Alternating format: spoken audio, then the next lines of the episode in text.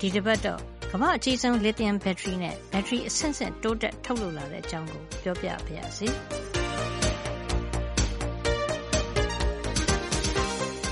ကမ္ဘာအကြီးဆုံး lithium battery ကို Elon Musk ရဲ့ Tesla ကုမ္ပဏီက Australia မှာတပ်ဆင်ပေးခဲ့ပါတယ်။ရက်ပေါင်းတရာအတွင်းတိစောက်ပေးခဲ့တဲ့ဒီ battery ကြီးဟာလေစွမ်းအင်ထုတ်စက်ရုံနဲ့ဆက်ထားတဲ့ battery ဖြစ်ပြီး Australia တောင်ပိုင်းကပြည်နယ်တခုဖြစ်တဲ့တောင် Australia ပြည်နယ်အစိုးရကိုပေးလှူခဲ့တာဖြစ်ပါတယ်။ ၂၀၁၇ ဒီဇင်ဘာ ၁ ရက်နေ့မှာ စတင်လည်ပတ်ခဲ့တဲ့ ဒီဘက်ထရီကြောင့် ၂၄ နာရီအပြည့် မီးပေးနိုင်ပြီဖြစ်တဲ့ တောင် Australia ပြည်နယ်ဟာ ကမ္ဘာပေါ်မှာ ထိပ်တန်း ပြန်ပြည့်မြဲစွမ်းအင်သုံး ဒေသဖြစ်သွားပြီလို့ ပြည်နယ်ဝန်ကြီးချုပ်က ကြေညာနိုင်ခဲ့ပါတယ်။ Jamestown မြို့ကလေးမှာ တပ်ဆင်ထားတဲ့ တနာရီ၁၂၉ မီဂါဝပ် ထုတ်ပေးနိုင်တဲ့ ဒီဘက်ထရီက အိမ်ပေါင်းသုံးသောင်းကျော်အတွက် လုံလောက်တဲ့ လျှပ်စစ်စွမ်းအင်ကို ပေးနိုင်ပါတယ်။ Tesla ကုမ္ပဏီရဲ့ မိတ်ဖက်ဖြစ်တဲ့ ပြင်သစ်ပိုင် Neoen ပြန်ပြည့်မြဲစွမ်းအင်ကုမ္ပဏီပိုင် Hornsdale လေစွမ်းအင်သုံးစက်ရုံက ရတဲ့စွမ်းအင်ကို ဒီဘက်ထရီက သိုလှောင်ပြီး ပြန်လည် အသုံးပြုတာ ဖြစ်ပါတယ်။လေစွမ်းအင်နဲ့ နေစွမ်းအင်ကို အဓိကသုံးနေတဲ့ တောင် Australia ပြည်နယ်ဟာ မကြာခင်နှစ်တွေအတွင်းက ပြင်းထန်တဲ့ ရာသီဥတုဒဏ်ကြောင့် လျှပ်စစ်မီး ပြတ်တောက်တဲ့ အခက်အခဲနဲ့ ကြုံခဲ့ရတာဖြစ်ပြီး အခုတော့ ဒီဘက်ထရီကြောင့် ပြန်ပြည့်မြဲစွမ်းအင်ကို အချိန်မရွေး သုံးနိုင်တော့မှာ ဖြစ်ပါတယ်။ ဒါဟာ နောက်မှာ ပြန်ပြည့်မြဲစွမ်းအင်ကို လစ်သီယမ် ဘက်ထရီနဲ့ တွဲပြီးသုံးတဲ့ စက်ရုံတွေ တည်ဆောက်နိုင်မယ့် လမ်းစဖြစ်တယ်လို့ Tesla ကုမ္ပဏီက ပြောပါတယ်။လစ်သီယမ် ဘက်ထရီ ထုတ်နိုင်တဲ့ အဆင့်ရောက်လာဖို့အတွက်ဘက်ထရီတွေ တီထွင်မှုမှာ အစပျိုးခဲ့တာက လွန်ခဲ့တဲ့ နှစ်ပေါင်း ၂၅၀ လောက်ကပါ။၁၇၈၀ မှာ ဖားကိုလေ့လာဖို့ စမ်းသပ်ခွဲစိတ်ခဲ့တဲ့ Luigi Galvani ဟာ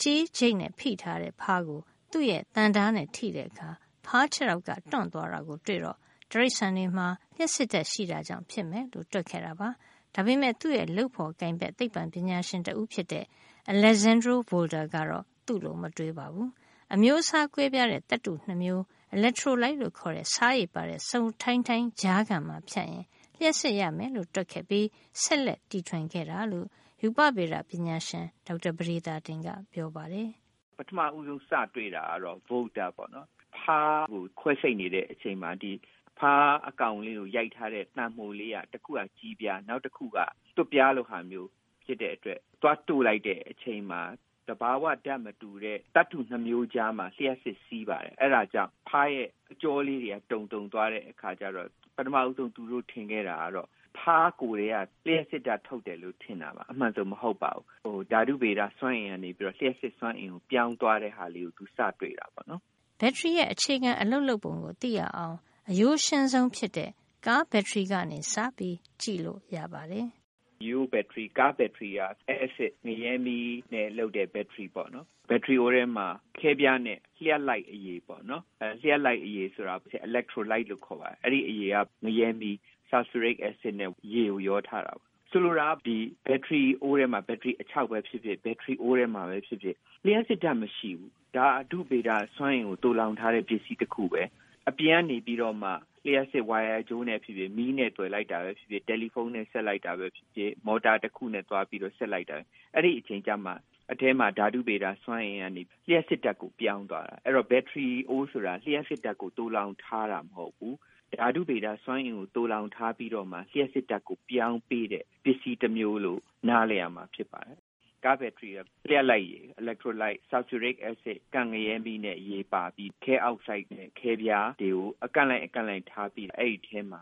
iron ဆိုတဲ့အဖိုဓာတ်တွေကိုတွားခိုင်းတာပေါ့နော်ဒီ electrolyte ဆိုတဲ့လျှက်လိုက်အရည်ထဲမှာ electron မစီးနိုင်ဘူးဘာလို့ဆိုတော့သူကလျှက်ကအရည်တစ်မျိုးပါ သူ့ထဲကိုစီးတာအဖိုး iron တွေပဲဖြစ်တဲ့အတွက်လျှက်စစ်စီးတာအပြင်မှာတွေ့လိုက်တဲ့ဝါယာကြိုးမှာပဲစီးတာဖြစ်ပါတယ်ဒါကတော့ဘက်ထရီရဲ့အဓိကအချက်ပါဘက်ထရီအဆင့်ဆင့်တိုးတက်လာတာကိုကြည့်ရအောင်ပါပထမဦးဆုံးစသုံးတဲ့ဘက်ထရီကတော့အဲ့ဒါမျိုးဘက်ထရီပြီးတဲ့အခါကျတော့ကျွန်တော်တို့ဓာတ်ခဲအချောက်ပေါ့နော်ဓာတ်ခဲအချောက်ဆိုလို့ရှိရင်လည်းသူ့အထဲမှာဒီလျှက်လိုက်အရေးသူကတော့ gel အနေနဲ့ပေါ့နော်ကော်လိုဟာမျိုးတစ်မျိုး ထည့်ထားပြီးသူ့မှာကာဗွန်ကြောင်းလေးပါတယ်လျှက်စစ်ဓာတ်စီးလို့ရတဲ့ကာဗွန်ကြောင်းလေးနဲ့ဓာတုစွမ်းအင်ကိုသူတိုးလောင်ထားတာပဲဖြစ်ပါတယ်နောက်တမျိုးဆိုလို့ရှိရင်လျှပ်စစ်ဓါတ်အားကုန်သွားတဲ့အခါပြန် charge လုပ်ရတဲ့ chargeable battery လို့ခေါ်ပါတယ်။ nickel cadmium battery ပေါ့နော်။ nickel ဆိုတဲ့ဓါတ်နဲ့ cadmium ဆိုတဲ့သတ္တုနှစ်ခုကိုတွဲပြီးတော့သုံးထားတဲ့ battery ဖြစ်ပါတယ်။နောက်တခုကဒီထက်ပိုပြီးအဆင့်မြင့်တဲ့ဟာက nickel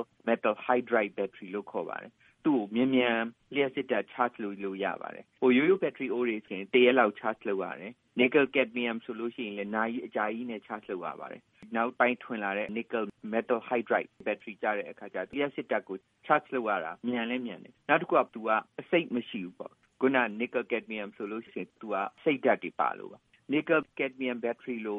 elephant memory လို့ခေါ်တယ်။သူ့ကိုလျှပ်စစ်ဓါတ်ကိုကုန်အောင်အထိအသုံးချလိုက်ပြီးတော့မှပြန် charge လုပ်ရတယ်။ charge မလုပ်လို့ရှိရင် nickel cadmium battery တွေကတဝက်တပျက်လောက်ပဲ charge လုပ်တယ်။အဲဆိုတော့လျှပ်စစ်ဓါတ်အပြည့်ပြန်မရဘူး။ခဏခဏသူက battery ကုန်ကုန်သွားပြီးပြန်ပြန် charge လုပ်ရတယ်။အဲဒါ nickel metal hydride မှာလုံးဝမရှိတော့ဘူးပေါ့နော်။ ဒီထက်ပိုပြီးအဆင့်မြင့်လာတာ၁၉၉၀နောက်ပိုင်းကျတဲ့အခါကျတော့ lithium ion battery ပေါ်လာပါတယ်။ဘာလဲဆိုလို့ရှိရင်သူက lithium ဓါတ်တမျိုးရဲ့ ion ပေါ့နော်လျှပ်စစ်အဖိုဓါတ်တွေကိုသိုလှောင်ထားနိုင်တဲ့ battery တမျိုးဖြစ်ပါတယ်။သူကခုနက nickel metal hydride တို့ nickel cadmium battery တို့ထက်သူကပါဝါထိန်းထားနိုင်တာ၂ဆလောက်ပိုတယ်။သူကခုနကလို elephant memory ဆိုတာလည်းမရှိတော့ဘူး။ သူ့ရဲ့အခြေခံအားဖြင့်အခုဆိုလို့ရှိရင် lithium cobalt oxide ဒါမှမဟုတ် lithium iron phosphate ဆိုတဲ့ဟာနဲ့တွဲပြီးလုပ်ထားတဲ့ဟာပါ။ဒီဘက်ထရီရဲ့ efficiency ကဆိုလို့ရှိရင်ပေါ့နော်စွမ်းရည်ကတော်တော်ကောင်းပါတယ်။သူ့ကိုအကြိမ်ပေါင်းမြောက်များစွာလည်း charge လုပ်လို့ရပါတယ်။နောက်နှစ်အကြာကြီးသုံးလို့ရအောင်အထိအခုတော်တော်ကိုအဆင့်မြင့်လာပါပြီ